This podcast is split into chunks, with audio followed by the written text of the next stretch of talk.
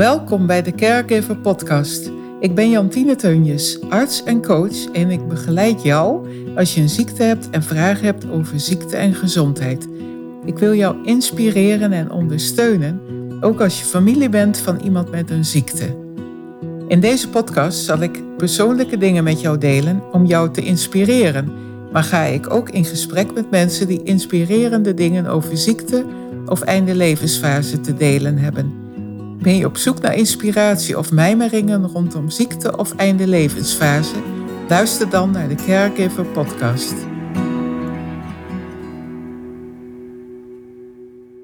Hoi Christina, wat ontzettend leuk om jou na zo'n lange tijd uh, weer te zien. Het is natuurlijk niet echt live, maar het lijkt wel bijna live. Het is echt uh, bijna echt. Ja, absoluut. Ja, ja. En uh, ja, wij hebben elkaar leren kennen. Laat ik daar even mee beginnen. Dan mag je zo je voorstellen zelf natuurlijk. Maar wij hebben elkaar leren kennen tijdens een uh, mastermind in Miami. Ja, dat klopt. Ja, ja. en dat was van uh, twee ondernemerscoaches. Ilko de Boer en Dolly Heuveling van Beek. En ja. dat was een ontzettend bijzondere tijd voor mij in elk geval. Ik ja, ik, ja, voor mij ook. Ik vond het fantastisch. Ja, ja, heel bijzonder. En daarna ging de boel natuurlijk op slot door alle omstandigheden. Dus we hebben net nog die tijd gehad dat het allemaal zonder problemen kon, gelukkig. Ja, het was dus, echt mijn uh, laatste vakantie uh, voor corona. Dat, uh, ja, dus dat kunnen we in onze zak steken, hè? Ja, wat dat betreft. ja. ja, vakantie. het was natuurlijk zakelijk, maar uh, privé heb ik ook wel uh, genoten van het prachtige uh, Miami South Beach. Zeker weten, ja, zeker weten. En ik had het genoegen dat ik een aantal malen heerlijk met jou heb kunnen ontbijten. Doordat jij voor, ja, voor twee personen eigenlijk had besteld. Dus daar kon ik ook heerlijk van genieten. Daar ben ik nog altijd dankbaar voor. Dat is echt super.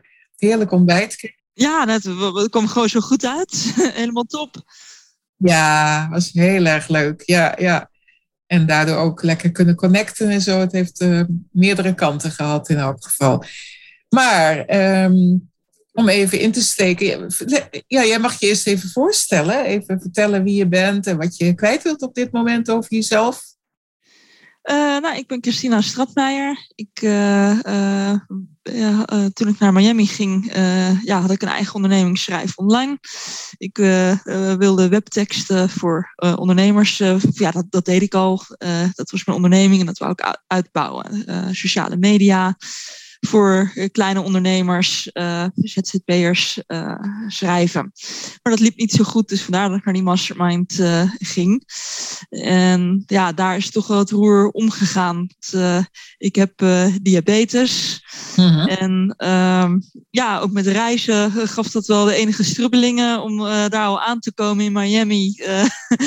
dat was wel een hele belevenis. Mijn appels zijn afgepakt in het vliegtuig. Oh, ja. Ik kan me nog heel erg goed herinneren. Dat uh, spannend verhaal. Uh, ja, je mag geen appels meenemen aan boord. vluchten van Europa naar de Verenigde Staten. Wist ik veel. Mm. Dat mijn ideale hypo eten. Yeah. Als mijn suikers laag zijn. Maar dat ging dus niet door. Nee. Dus dat was wel een grappig verhaal. Ja, in Miami heb ik toen besloten van goh, uh, ik wil uh, iets voor medediabetes gaan doen, die ook ondernemer gaan worden. Maar mhm. inmiddels, sinds Miami, is het weer anders geworden. Dat vermoeden had ik al, want ik zag er niks van langskomen meer. Dus ik denk, hoe, wat zal ze nu doen en hoe zal het nu verder zijn gegaan? Ja, maar ja. vertel verder. Ja, ja ik, ik vind het nog steeds heel erg leuk. Alleen, ik ben nu gekozen in de gemeenteraad. Dus ik ben nu politicus. Ja, en, ik Gefeliciteerd heel, hoor. Ja, ja, dankjewel. Ja. En uh, dat vind ik ook echt super gaaf om te doen. Mm -hmm. wat ik daar ook merk is uh, dat er ook weinig uh, mensen met een beperking in de politiek gaan. Je ziet weinig mensen met een rolstoel of met een blindenstok als raadslid of statenlid of Tweede Kamerlid. En dat vind ik gewoon wel heel erg jammer. Dus uh, nu ben ik eigenlijk toch meer bezig, uh, terwijl ik pas net zelf gemeenteraadslid ben, om na te denken over, hey, hoe kunnen we uh, zorgen dat meer mensen met een beperking politiek actief worden? En dan zie ik, uh, ja, beperking, ja, dat vind ik een lastig woord, maar ik heb geen beter woord uh, daarvoor gevonden. Ik bedoel, eigenlijk als je een bril draagt, heb je ook wel een beperking. Want zonder bril kan ik geen auto rijden in ieder geval. Ik weet niet hoe dat met jou zit, maar... nee, zeker weten. Ja, het kunnen lenzen zijn, dan is het een verborgen beperking. Die heb ik ook jaren gehad, maar inderdaad. Ja, ja, en, en, toch zit ik niet de hele dag te denken, oh, wat ben ik toch beperkt door die bril. maar ja, dus ik zie het wel heel erg breed. En ja, soms vragen mensen ook, ja, zie je diabetes dan als een beperking? Nou ja, nee, je kan eigenlijk alles uh, wat een ander ook doet uh, als je diabetes hebt. Dus waarom zou je niet de politiek ingaan? Maar toch mm-hmm. zie ik heel vaak dat mensen die chronisch ziek zijn, laat ik het dan zo noemen, ontdek dat ook de lading niet helemaal. Ja, dat die toch niet kiezen voor een carrière in de politiek of als ondernemer. Gewoon beide mm-hmm. groepen politici en ondernemers zie ik dat mensen met een beperking of die ziekte ondervertegenwoordigd zijn. Dat vind ik heel erg jammer. Ja, en zie je dat als jouw missie om nu uh, mensen meer in de politiek te krijgen? Of heb je ook andere doelen door jou in de gemeenteraad zijn gegaan? Nou ja, ik wil heel erg streven voor een inclusieve samenleving. Dus dat gaat ook niet alleen om mensen met een beperking, maar bijvoorbeeld ook de LGBT eh, IQ-gemeenschap uh, of mensen met een andere huidskleur. Of nou ja, eigenlijk op elk gebied emancipatie van vrouwen. Ook seksuele, ja. seksuele voorkeur, of niet voorkeur, maar... Geaardheid, ja. Ja, ja. Dat, ja, ik, ik, ben zelf net getrouwd, hetero. maar mm. ja, dat wil niet zeggen dat ik geen oog heb voor mensen die uh, iets anders dan hetero zijn. Ja, dus ik, ik ben gewoon voor een inclusieve samenleving op alle gebieden, ook op het gebied van geloof. Ik vind gewoon dat iedereen moet kunnen meedoen. Want dat uh, vond ik ook wel grappig. Ik ging naar een startbijeenkomst van uh, Zorgbelang. Uh, die wilde dus ook mensen met een chronische ziekte politiek actief maken. En het was een meisje, een vrouw moet ik zeggen, met een verstandelijke beperking. Die vroeg aan mij, wat zijn jouw standpunten? Ik antwoordde, nou ja, ik sta voor de inclusieve samenleving. En toen keek ze me vragend aan. goh, wat bedoel je daarmee? Het heeft me tien minuten gekost om uit te leggen wat uh, verstond onder uh, een inclusieve samenleving. En zodanig dat zij het ook begreep. En ik denk, oeh, dat is toch echt wel een leerpuntje. Uh, voor ja. mezelf. Duidelijke taal. Je hebt een Janneke taal. Ja. ja, je hebt een Janneke taal, zoals dat dan wel wordt genoemd. Ja. ja. En ik bedoel, de ene beperking is de andere niet. Ik uh, uh, ben zelf inmiddels al, denk ik, meer dan honderd keer ons eigen gemeentehuis binnengelopen voor vergaderingen. En ik zat naast een commissielid um, in dezelfde gemeenteraad van een andere partij. Die is visueel beperkt. Die heeft de blinde geleidehond. En uh, die zei, ja, ik vind het best lastig om gewoon überhaupt de ingang te vinden uh, van het gebouw. Het is een heel breed pand en mhm. er is geen geleidelijn. En ik had er nooit bij stilgestaan uh, ja, dat het voor visueel uh, gehandicapten heel erg lastig is om ons eigen gemeentehuis binnen te komen. En dan had daar mhm. vragen over gesteld. En toen werd uh, gezegd dat het ja, er visueel niet aantrekkelijk uitziet. Architectonisch past het niet om zo'n geleidestrip aan te leggen. En het was ook vrij prijzig. Toen had ik zoiets van, wow, bizar. Mm. in mijn ogen moet het anders. ja. Mm. ja, ik vind echt dat iedereen moet kunnen meedoen. En ook eh, met de visuele beperking moet je toch ook bij de gemeente terecht kunnen. Niet alleen om je paspoort op te halen, maar ook om bijvoorbeeld te kunnen inspreken. Nou, nu heeft hij een mhm. super uh, toffe uh, geleidehond, een labradoodle.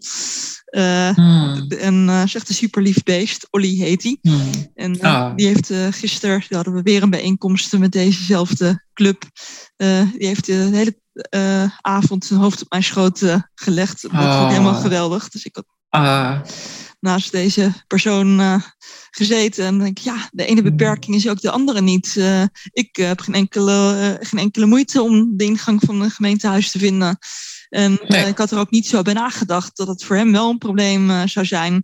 Maar dankzij zijn hond hmm. dus niet. Maar hij zei, ja, nou, mijn collega uh, ja, binnenkort raadslid, die heeft een stok en geen hond. En, en uh, die mhm. heeft daar, ja, je ziet dan niet zomaar de ingang met die stok. Uh, moet je alles nee. aftasten.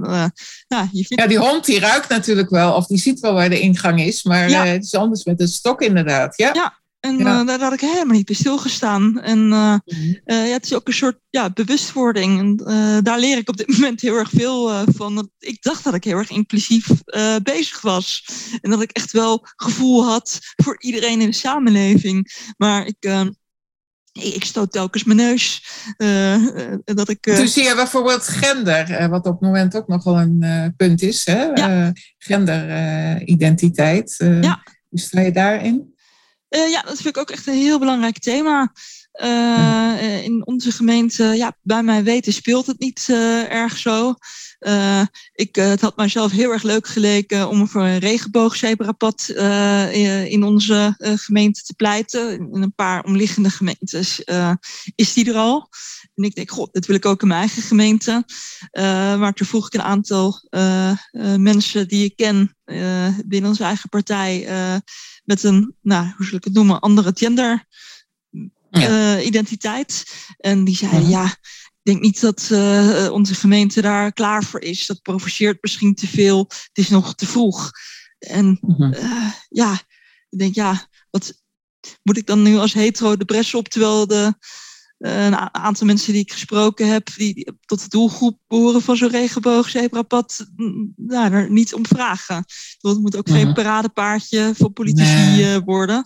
En zolang uh, ja, er blijkbaar geen vraag naar is, ja, vraag ik me af, moet ik dan zoiets voorstellen? Het lijkt mij nog steeds heel erg mhm. leuk. Ik vind het eigenlijk wel een goed idee. Ik zou het heel graag willen voorstellen. Dus daar worstel ik op dit moment even mee. Moet ik zoiets dan wel of niet zelf initiëren? Je hebt ze overal wat dat betreft. Hè? Je hebt ze overal wonen. Uh, dat geldt voor alle uh, uh, ja, identiteiten. Maar zo is ook bijvoorbeeld rolstoeltoegankelijkheid. Is bijvoorbeeld jullie gemeentehuis ook toegankelijk voor rolstoelen? Ja, uh, dat wel. Dat wel. Er is een uh, rolstoel ja, lift bij de ingang. Mm en ook een lift in het gebouw zelf. maar ik weet het niet zeker. Maar in het verleden heb ik, had ik, dacht ik, ik heb ik volgens mij iets gehoord dat, daar dan, uh, dat je dan moet aanbellen en dat er dan iemand moet komen om te helpen. Maar dat, dat weet ik niet zeker of dat al is opgelost. Dat zou inmiddels opgelost kunnen zijn. Uh, dus ja, er waren wel problemen mee in het verleden, heb ik begrepen. Maar dat was voor mijn mhm. tijd. Uh, Maar ja, natuurlijk is het hartstikke belangrijk dat gewoon iemand zonder hulp zelfstandig een gemeentehuis binnen kan komen. Uh, ja, Uh, voor mij is dat zelfs uh, vanzelfsprekend. Ik huppel zo een trapje op, geen enkel probleem.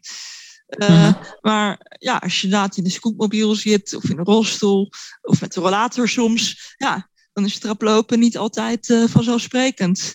Iemand met een nieuwe -huh. heup sprak ik laatst. ja, daar zie je eigenlijk niet zoveel aan. en één trapje van twee of drie treetjes, dat gaat nog. Maar als het traplaar is, ja, dan heeft ze er gewoon echt last van.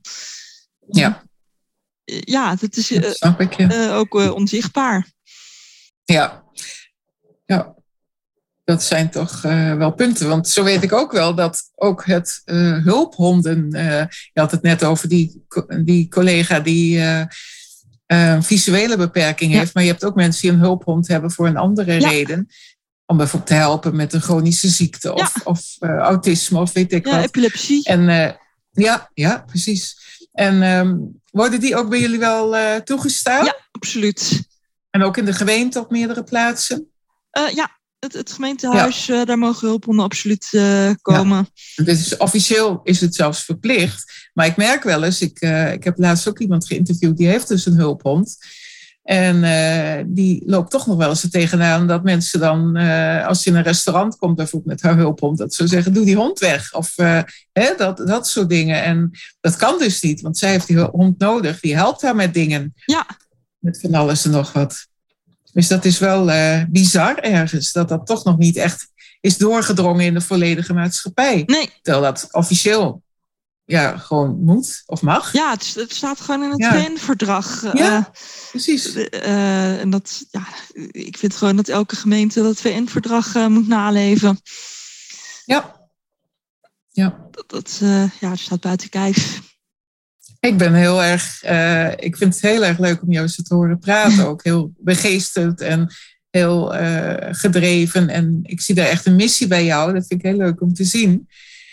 Waar ik wel heel erg benieuwd naar ben, uh, is ja, even terug naar Miami. Ja. En jouw verhaal toen van de diabetes. Wat speelt dat op dit moment voor rol in jouw leven? Of wat heeft het? Um, hoe ben je op. Ja, ik ken jouw verhaal, hè, maar de luisteraar niet. Hoe ben je op een gegeven moment erachter gekomen? En uh, ja, wat heeft dat toen voor jou betekend? En wat betekent het nu nog voor jou in je leven? En hoe ga je daarmee om? Het zijn een heleboel vragen in één keer, maar. Uh, ik hoop dat dat uh, geen probleem nee, is. Dan nee, komen we zo nog even op een samenvatting of zo. Hè, dat het even wat helderder wordt. Ja, nou, ik heb enorm veel moeite gehad toen ik de diagnose diabetes uh, kreeg. Uh, ik, uh, ik, kreeg het, ik meen op 36-jarige leeftijd. Dus meestal wordt het veel jonger vastgesteld als het type 1 was. Dus, toen, ja. ja, ik ben ook eerst verkeerd gediagnosticeerd met type 2. Dat is zeg maar de ouderdomsdiabetes, wordt het ook wel genoemd. Um, uh, maar ja, 36 jaar is toch best wel jong voor uh, je type 2 ouderdomsdiabetes. Uh, maar, maar toch kreeg ik dat labeltje en ja, kreeg ik eerst tabletten. En dat werkte voor geen meter. Mijn bloedsuikers gingen niet echt naar beneden. Het heeft toch ruim een jaar geduurd voordat de juiste diagnose, dat ik dus toch type 1 diabetes, dat is eigenlijk de aangeboren variant uh, die niks met levensstijl te maken heeft. Ja, ouderdomsdiabetes ook niet altijd. Uh, uh, ik vind het soms ook wel eens overdreven wordt dat, dat iedereen die diabetes direct het labeltje krijgt van nou, dan heb je zeker te veel gesnoept. Mm. dat is ook niet het hele verhaal.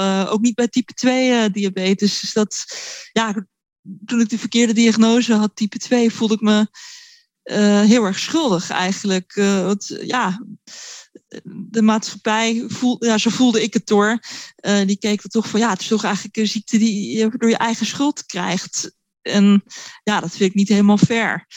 Uh, en achteraf, na een jaar, uh, bleek het ook zo te zijn dat ik gewoon echt de aangeboren variant heb, die zich mhm. pas op latere leeftijd blijkbaar openbaart.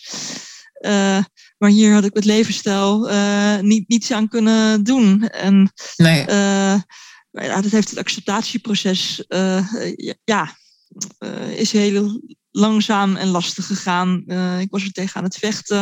Ik vond het oneerlijk dat ik een chronische ziekte kreeg. dus ik heb daar ja, met het acceptatieproces ontzettend veel moeite gehad. Ik ben ook eerst echt uit het veld geslagen. toen ik de diagnose kreeg, echt op de bank gezeten. Uh, uh, ja, bijna een jaar van, uh, poeh, nou, wat overkomt mij? Ik vond mezelf heel erg zielig. En het heeft me echt moeite gekost om me bij de, mijn nekvel te grijpen en me uit die, nou ja, depressie is misschien een groot woord, maar uit die negatieve gedachtenspiraal te trekken. Mm dat is niet makkelijk geweest, maar op een gegeven moment ging echt uh, de knop om. Uh, ben ik ook anders gaan eten. Want ook al is de oorzaak uh, niet levensstijl, de oplossing om je beter te voelen en je bloedsuikers stabieler te halen, is wel degelijk levensstijl, beweging en wat stop je in je mond qua hoeveelheid koolhydraten. En waar ik ook heel erg aan heb moeten wennen is bijvoorbeeld fruit. je leest overal dat ja, twee stuks fruit op een dag hartstikke gezond is, maar ja, dan at ik fruit en dan gingen mijn bloedsuikers bloed, uh, extreem uh, de lucht in. Dus ik heb dat ook moeten leren timen en leren doseren. Uh, mm. En ook wat voor soort fruit met veel sneller suikers. Ja, dat geeft een veel hogere piek in mijn bloedsuikers. En dan ja, heb ik moeite met autorijden bijvoorbeeld. Als ik heel erg hoog zit in mijn suikers, dan gaan mijn gedachten alle kanten op. ben ik heel slecht geconcentreerd. Nou, dan moet ik niet in de auto stappen. Uh, ja. uh, en ik uh, dacht altijd van, nou, gezond, ik gooi dan fruit in mijn yoghurt en dan eet ik dat als ontbijt. Ja, mm -hmm. meestal ontbijtje en stap je dan in de auto om ergens naartoe te gaan. naar je werk bijvoorbeeld, naar een afspraak. Ja, dat ging dan niet. En dat is wel een hele struggle geweest om dat uit te vogelen van, goh, hoe doseer je je maaltijden? Hoe doseer je je bewegen, bewegingen? Ja, gezond te leven, uh, maar ook prettig te leven. Zo ging ik bijvoorbeeld uh, om mijn hoofd leeg te maken, s'avonds hardlopen uh, voordat ik ging slapen. Ja, maar prompt dat ik in een hypo, lage bloedsuikers, terechtkwam ja. om een uur of twee s'nachts. Ja, mm dat is ook niet fijn. Dan werd ik door mijn bloedglucosesensor wakker gepiept. Van, oh, bloedsuiker is gevaarlijk laag. Nou, ik ben heel erg blij dat ik nu uh, zo'n uh, sensor heb. Uh, ja. niet iedereen krijgt die vergoed. Um, nee. Ik gelukkig wel en daar ben ik heel erg dankbaar voor. Want dat maakt mijn leven ook echt een stuk makkelijker. Mm -hmm. Maar ik heb nu ontdekt met behulp van een coach. dat als ik ochtends op nuchtere maag hardloop, uh, nuchtere maag, maar dan wel één appel ontbijten. Dan krijg ik wel die bloedsuikerspiek. Daar uh, uh, kan ik een half uur prima op hard lopen. voordat mijn suikers rap naar beneden gaan. Mm-hmm. Dus ja, tot nu toe nu loop ik een half uur s ochtends hard voordat ik iets ga doen. En dan ga ik ontbij echt ontbijten. Uh, dus, maar ja, dat is gewoon voor iedereen anders. Uh, ik zou tuurlijk, dit niet. Het is zo persoonlijk. Hè? Ja, ja, Ik, ik zou niet zeggen voor alle diabetes moeten dit op deze manier gaan doen. Nee, uh, er is geen één op één oplossing. Dat moet iedereen helaas voor zichzelf uitvogelen. Anders had ik een handboek diabetes per direct geschreven. Had ik die uitgegeven. Nou, volgens mij was ik dan multimiljonair. Dat was in alle talen vertaald. Ja. Als het zo makkelijk zou gaan van, goh, ik heb de oplossing. Uh, zo werkt het. Ja, zo werkt het voor mij, maar helaas niet altijd voor iedereen. Uh, ben, nu, nee. ben nu ook getrouwd met een, diabe een diabetes. Ik heb hem ontmoet via de diabetesvereniging. En mm. bij hem werkt het compleet anders. Mm -hmm. ook andere koolhydraten. hij doet het erg goed op brood. Uh, hmm. uh, en aardappels. Ik niet. Uh, terwijl ik pasta een stuk beter kan hebben dan hij. Ook niet goed. Hmm. maar ja, pasta en rijst, dat gaat bij mij net in kleine hoeveelheden stukken beter dan bij hem. Hmm. en we zijn beide ja, type 1 diabetes. De ene koolhydraat ah. is de andere koolhydraat niet. Nee. En, nee, nee ja, Kunnen jullie wel samen eten dan? Of eigenlijk hoe, niet. Dat dan op? Uh, nee, hè? Nee, nee. Het, uh, hij, hij, hij, krijgt veel sneller hypo's dan ik uh, het krijg. Hij moet ook vaak tussen maaltijden door bijeten. En ik heb dat veel minder. Maar met sporten ja, kan hij bijvoorbeeld weer heel veel hebben. Als ik met bewegen, als ik twee verhuisdozen de trap op of afsjouw uh, heb ik al een hypo en uh, lig ik soms gestrekt of met stofzuigen. Maar hij kan echt ook veel langer duursporten dan ik. Mm. En met krachttraining, ja.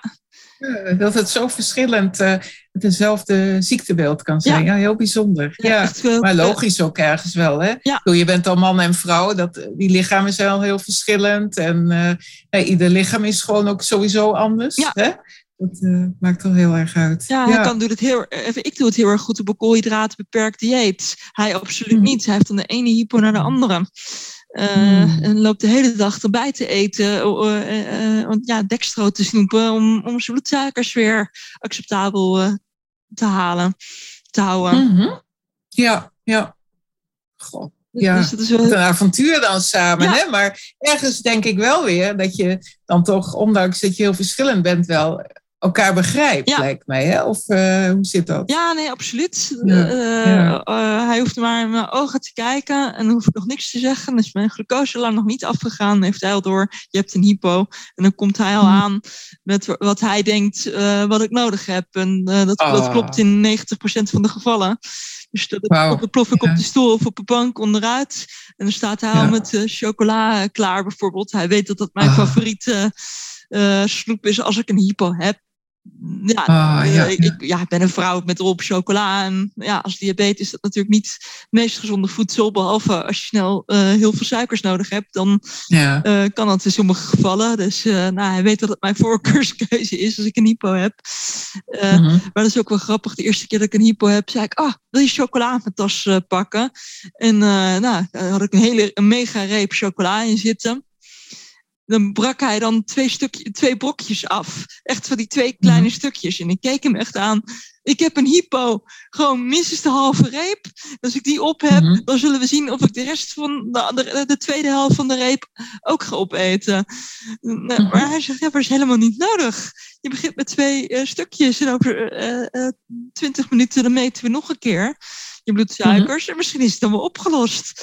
Maar ja, mijn probleem is als ik een lage bloedsuikers heb, dan is de ratio compleet uitgeschakeld. Dan is het gewoon Mm. alles of niets. Dan is het gewoon, nou ja, zoveel koolhydraten naar binnen al- als ik kan verstouwen. En meestal eh, stopt dat gevoel zo 20 minuten nadat je eh, bloedsuikers alweer op orde zijn. Eh, dat, dat gevoel. Nou, is het goed dat je hem hebt, dat Ja. hij dan eh, jou daar ook weer kan ondersteunen. Hè? Want eh, dan kan hij de ratio een beetje bewaren op dat moment dan, hè? lijkt mij. Ja, absoluut. Ja. Maar Ja. ja. ja, op dat moment zelf, ik, ik snap nu dat huiselijk geweld ook mannen kan treffen, als ik eerlijk ben. In een relatie. Oh. Ik werd echt compleet agressief in het begin. Eh, terwijl ik dat normaal gesproken helemaal niet ben. Maar Nee. eh, op het moment dat ik een eh, hypo heb, nou ja, dan is het gewoon eigenlijk overleven. Je hebt, voor de mensen die niet weten wat, wat, hoe een hypo voelt, je voelt echt of je aan het sterven bent en dat eten het enige reddingsmiddel is. En dan, Hmm. dan voornamelijk kool- eten met koolhydraten, snelle suikers. Ja. Dat is echt een soort extreme craving. Eh, Mhm. Verslaafden kennen het ook wel, echt dat gevoel. Eh, Mhm. eh, suikers nu. Je Mhm. hele lichaam en je geest schreeuwt erom. Tenminste, ja, zo is het voor mij. Ja, hij heeft dat gevoel, beleeft dat gevoel heel anders. oké. Ja, ja. ja. Nou, het is ook, eh, wat dat betreft, ik heb het natuurlijk uit de boeken geleerd en ik heb het ook wel gezien op de werkvloer. Maar ik heb het nooit zelf gevoeld hoe dat is. Het enige wat ik wel eens heb gehad is dat ik wel eens even een beetje slapjes op de been werd als ik een hele tijd niet had gegeten, Ja. weet je wel. Dus ik kan me voorstellen dat in maal Ja. Eh, zoveel in het kwa- kwadraat dan. Ja, hè? nou, dat is het begin van het gevoel. Het slappe gevoel, Ja. de benen. Ja, Eh, Ja. En ja, als je dan niet eet, ja, ik weet niet hoe het is om een hele lange tijd dan niet te, te, te eten. Als je dat Mhm. gevoel hebt. Eh, Mhm. dat, dat zijn voor mij de alarmbellen om direct eh, iets met snelle suikers eh, eh, te gaan eten. Dat is Mhm. inderdaad het begin van het hypo. eh, het begin van een hypo. Zo, zo voelt dat inderdaad. Als je dan niks doet, dan schiet dat door. En nou, ja. Ja. dan is het, enige waar je aan kan denken. eh, eh, suikers nu.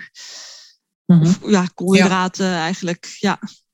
Ja, begrijp het wel. Ja, ja. Alleen nooit zo in die mate natuurlijk ervaren. Dus, eh, maar ik snap wel dat dat dan een overlevingsmechanisme is op dat moment. En dat je dan helemaal in die overlevingsmodus gaat. Ja. Hè?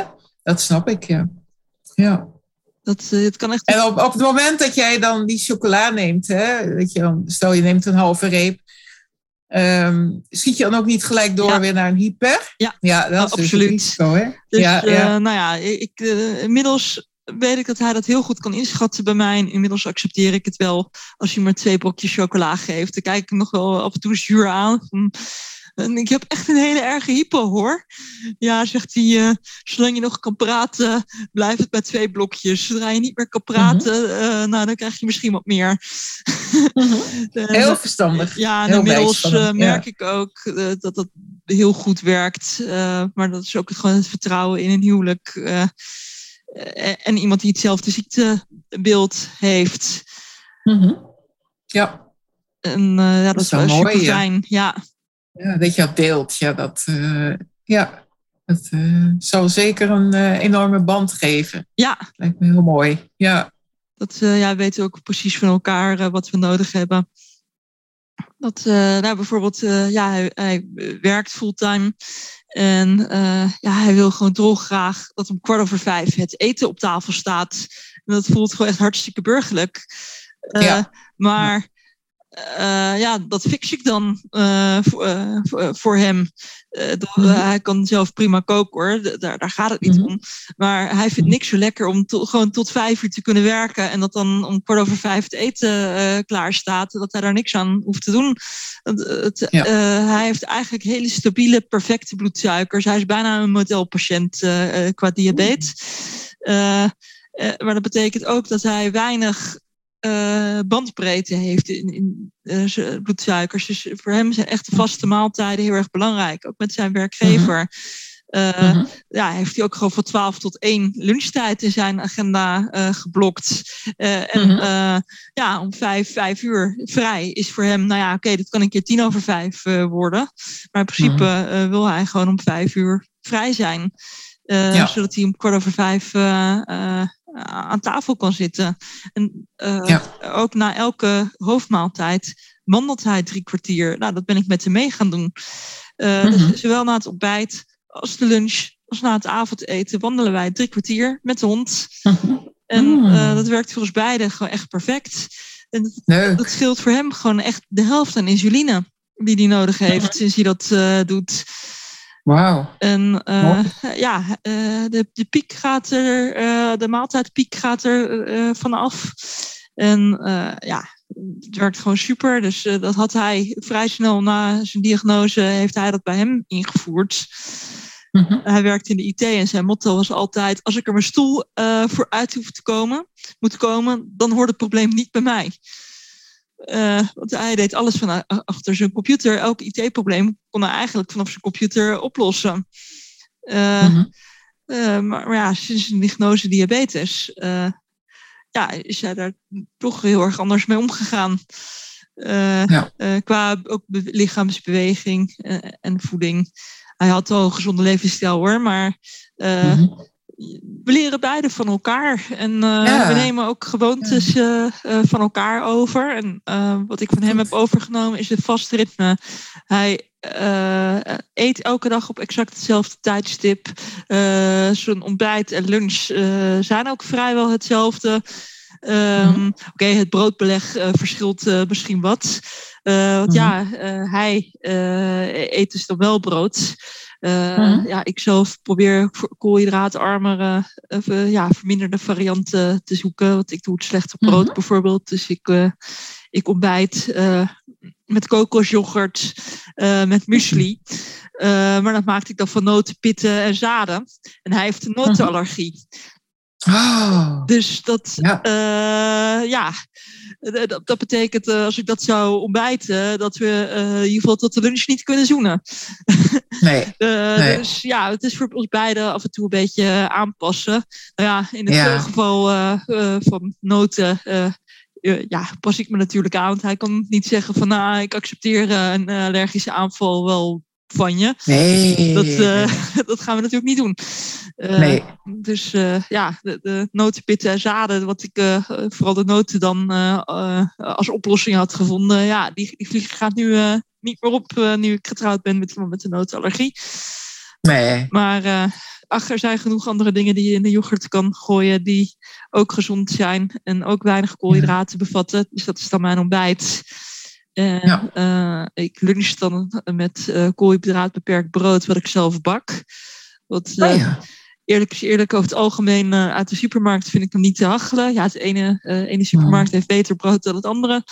En mm. ja, af en toe vind ik een bakkerij die wel super lekker koolhydraat beperkt brood heeft. Mm. Maar ik vind het toch altijd het lekkerst als ik het zelf maak.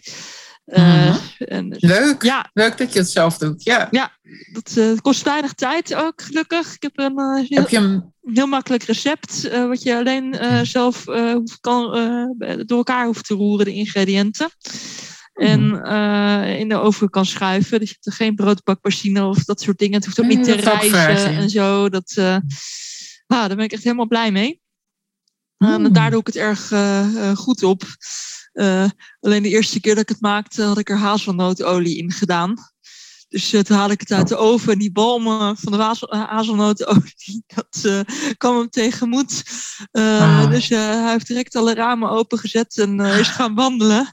En, ah. nou ja, zo kan ik niet werken. Nee, nee. nee. Dus dacht Ah. ik, oeps, foutje. Eh, Ja, ja. Dus eh, dat brood heb ik weggegeven. En dan ben ik eh, weer overnieuw eh, Mm. mijn brood gaan bakken. En Mm. eh, s s'avonds eten we niet koolhydraat beperkt. Maar eten we gewoon volledig met koolhydraten. Eh, Mhm. Omdat eh, dat voor hem gewoon eigenlijk niet anders kan. Um, eh, nou ja, dat, ik vind het ook wel lekker als ik stiekem, als ik eerlijk ben. Mhm. En ja, dat is ook iets waar ik een weg eh, in heb moeten zoeken. Ehm, je, je hebt eigenlijk, ja, ik merk binnen de diabeteswereld twee stromingen. De ene die zegt, eh, eet gewoon waar je zin in hebt en eh, regel je bloedsuikers met insuline. Want ik, ik schets nu Mhm. even heel zwart-wit. Mhm.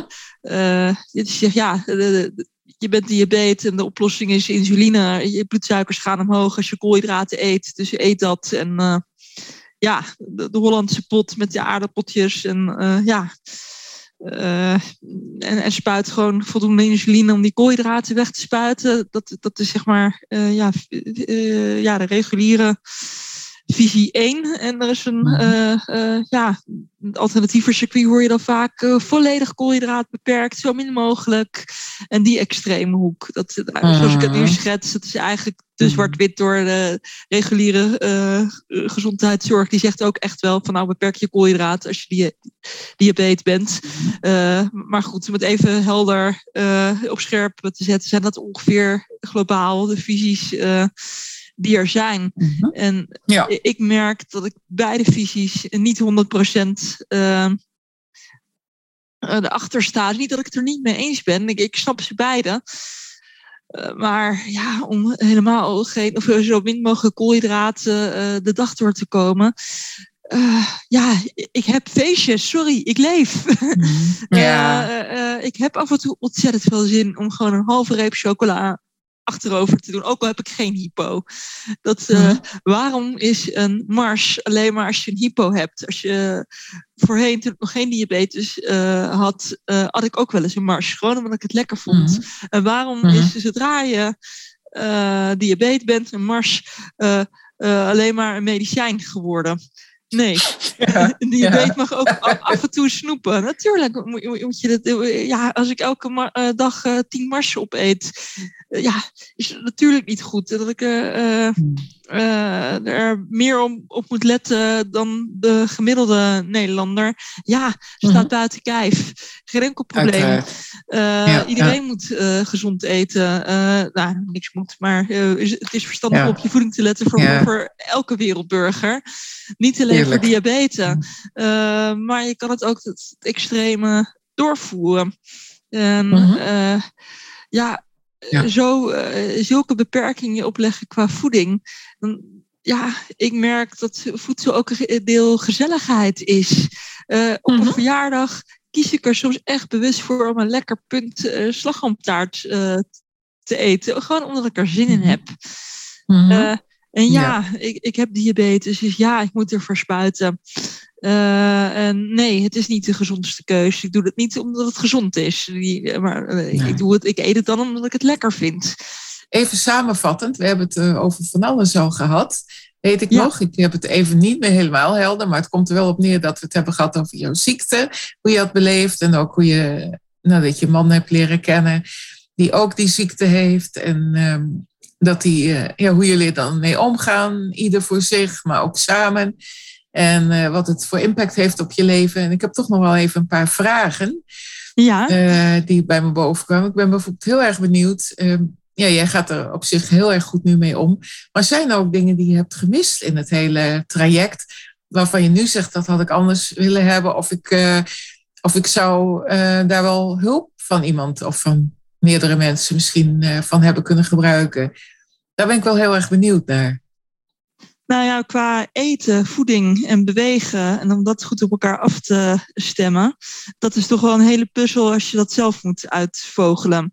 Mm-hmm. Um, uh, het heeft bijvoorbeeld heel lang geduurd dat ik doorhad uh, hoe ik goed kan hardlopen. dat ja, ik moet eigenlijk 's ochtends fysieke zware dingen doen. Dus als ik wil hardlopen, kan ik dat het beste 's ochtends doen op nuchtere maag. Want dan heb ik te, te weinig, of, heb ik weinig actieve insuline. dus wat ik dan persoonlijk, wat voor mij werkt, is in banaan eten. Uh, uh, en dan, uh, dat is het enige wat ik eet. de helft van de insulinespuiten die ik normaal gesproken voor een banaan nodig zou hebben. En dan gaan hardlopen. En dan red ik het precies. Mm, ja. en tot vijf kilometer. Als ik langer ga, dan red ik het daar niet op. Maar tot vijf kilometer hardlopen kan dat. En dan ga ik daarna uh, pas uh, de, de, ja, mijn normale ontbijt nemen mm. en insuline verspuiten. Dat doe ik dan ook weer de helft van wat ik normaal spuit. Mm. Want als je heel veel beweegt, uh, of ja, lichamelijk actief bent, dan word je ja, intensief sport, wordt je lichaam gevoeliger voor insuline. Dus heb je er minder van nodig uh, dan, je, dan, je, normaal gesproken uh, ge gebruikt. En dat effect kan wel 24 tot 48 uur aanhouden na het sporten. Dat heeft niemand mij ooit verteld.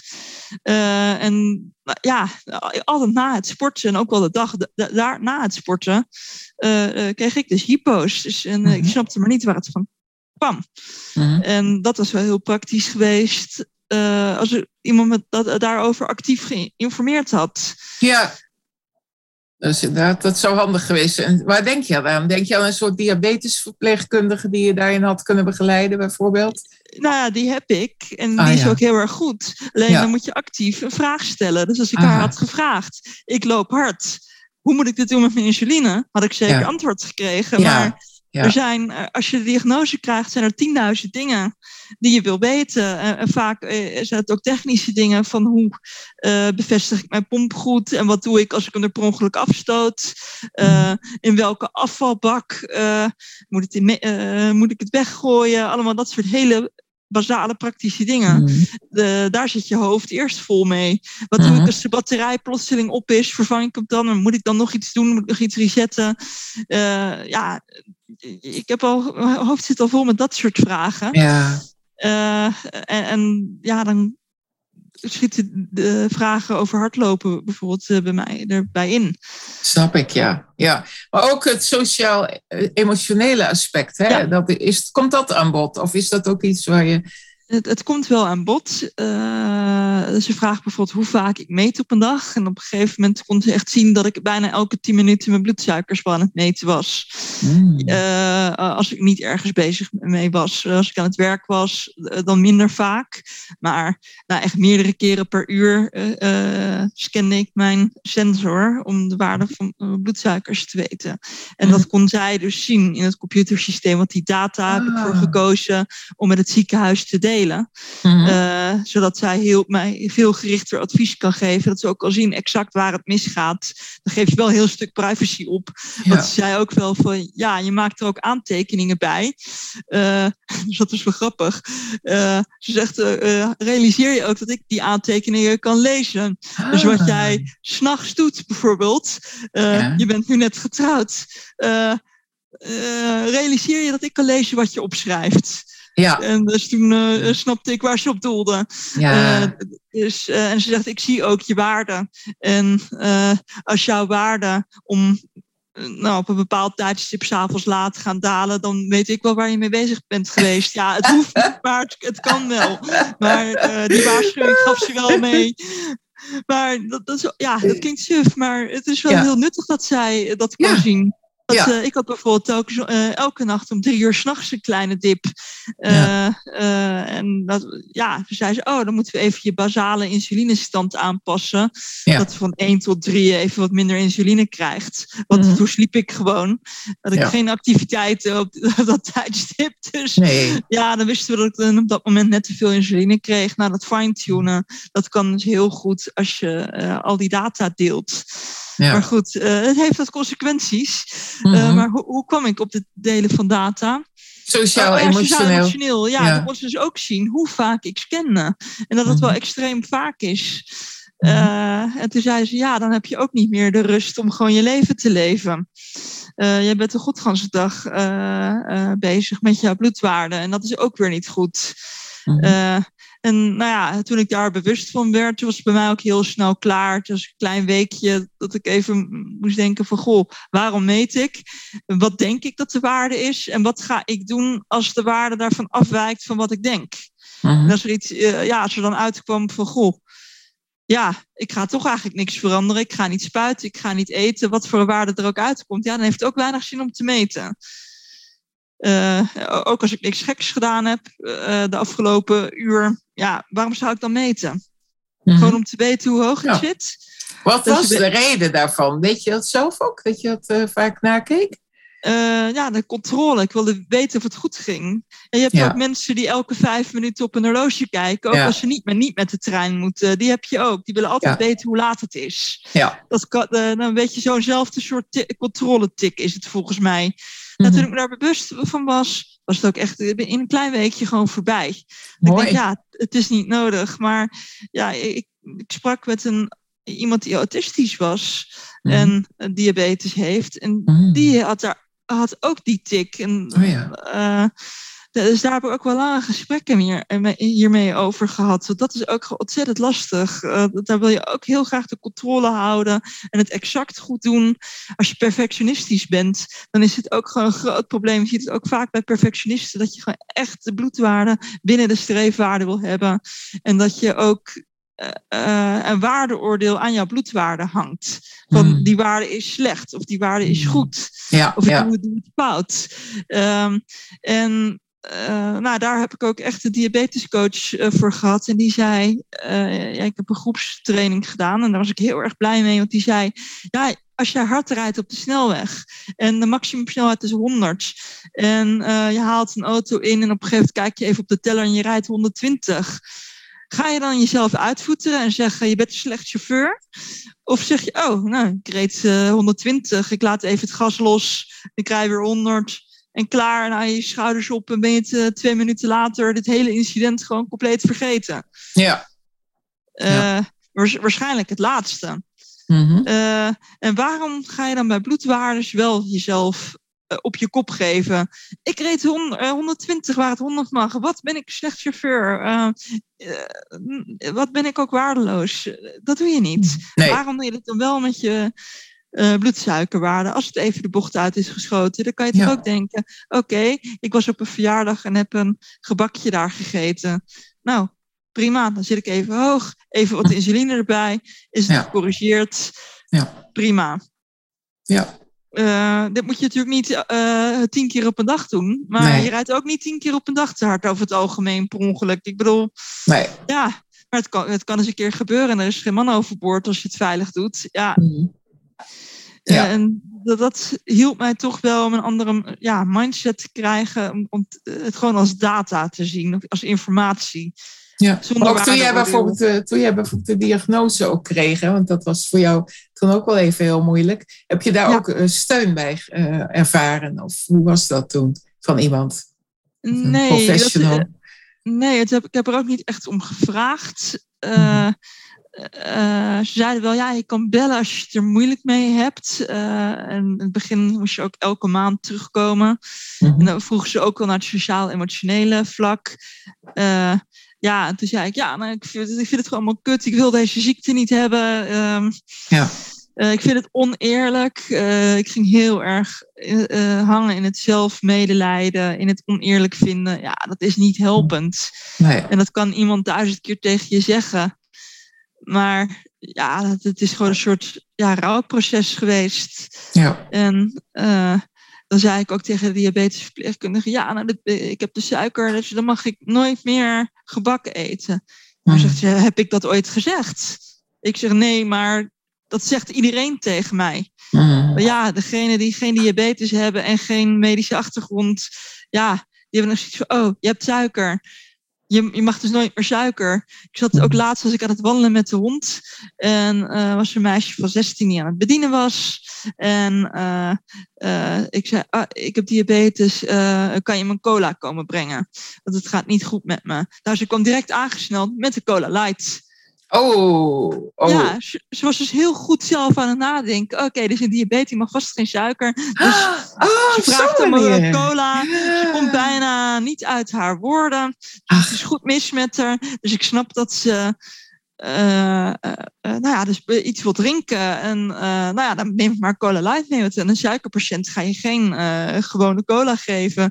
Ja, hele logische gedachte voor haar. Maar ik had op dat moment juist suikers nodig. En daarom vroeg ik om een cola. Dat is ongeveer het enige moment ter wereld dat ik een normale cola mag drinken. Als ik echt een vette hypo heb waar ik niet uit kan komen. Ja.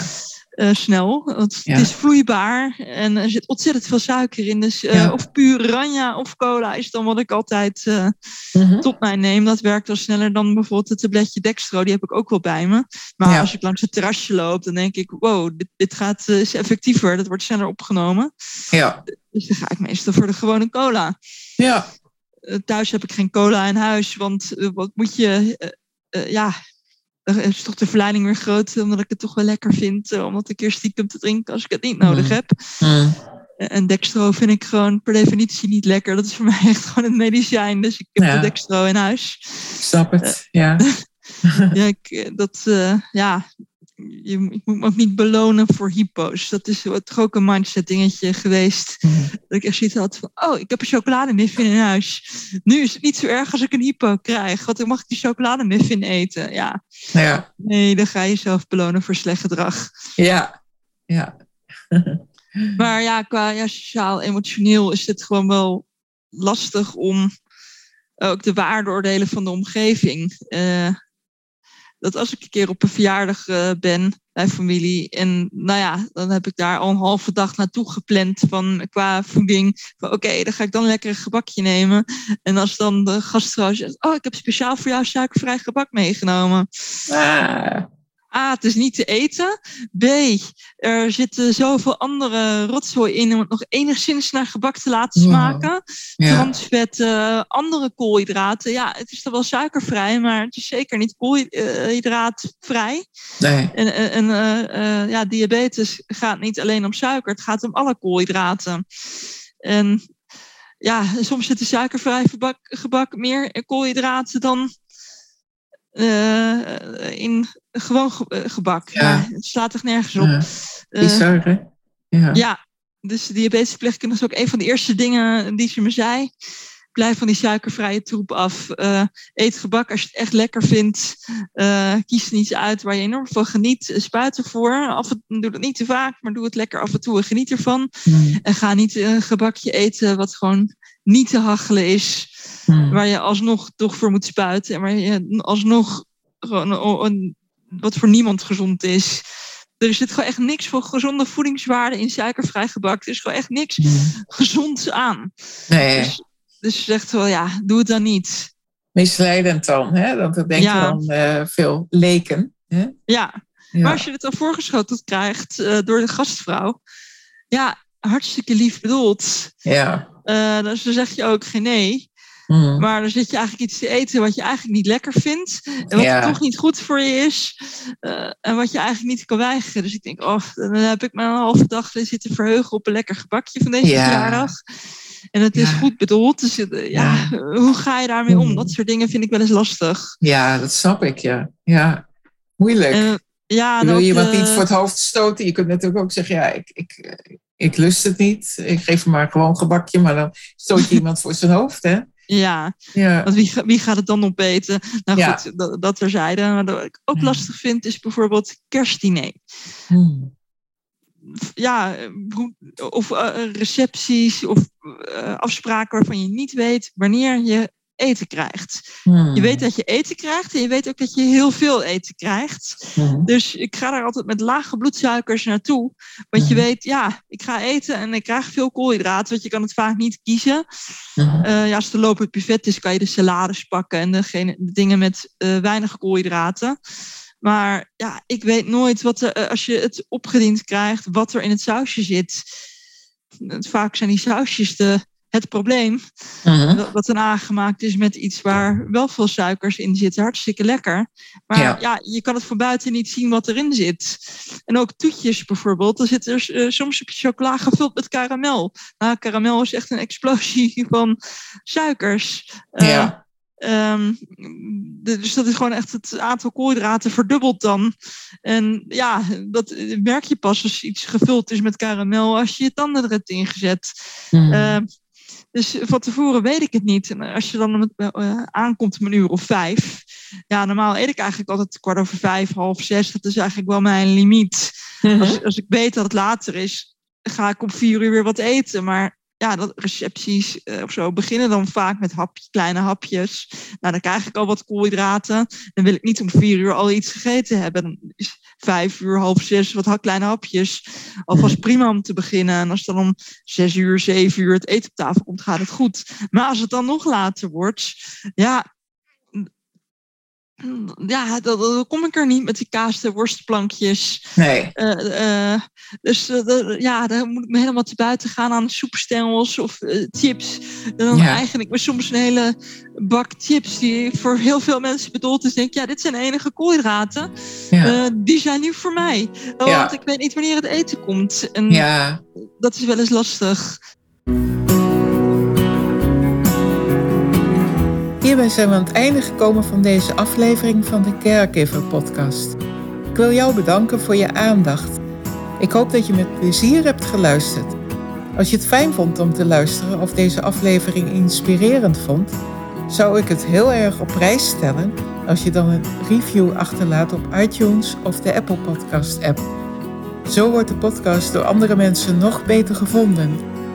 Deel de podcast in je netwerk of stuur hem door naar iemand die dit mogelijk interessant vindt. Verder wil ik jou naar mijn gratis Facebookgroep verwijzen, waarin ik jou nog meer kan inspireren. Over twee weken is er weer een nieuwe aflevering.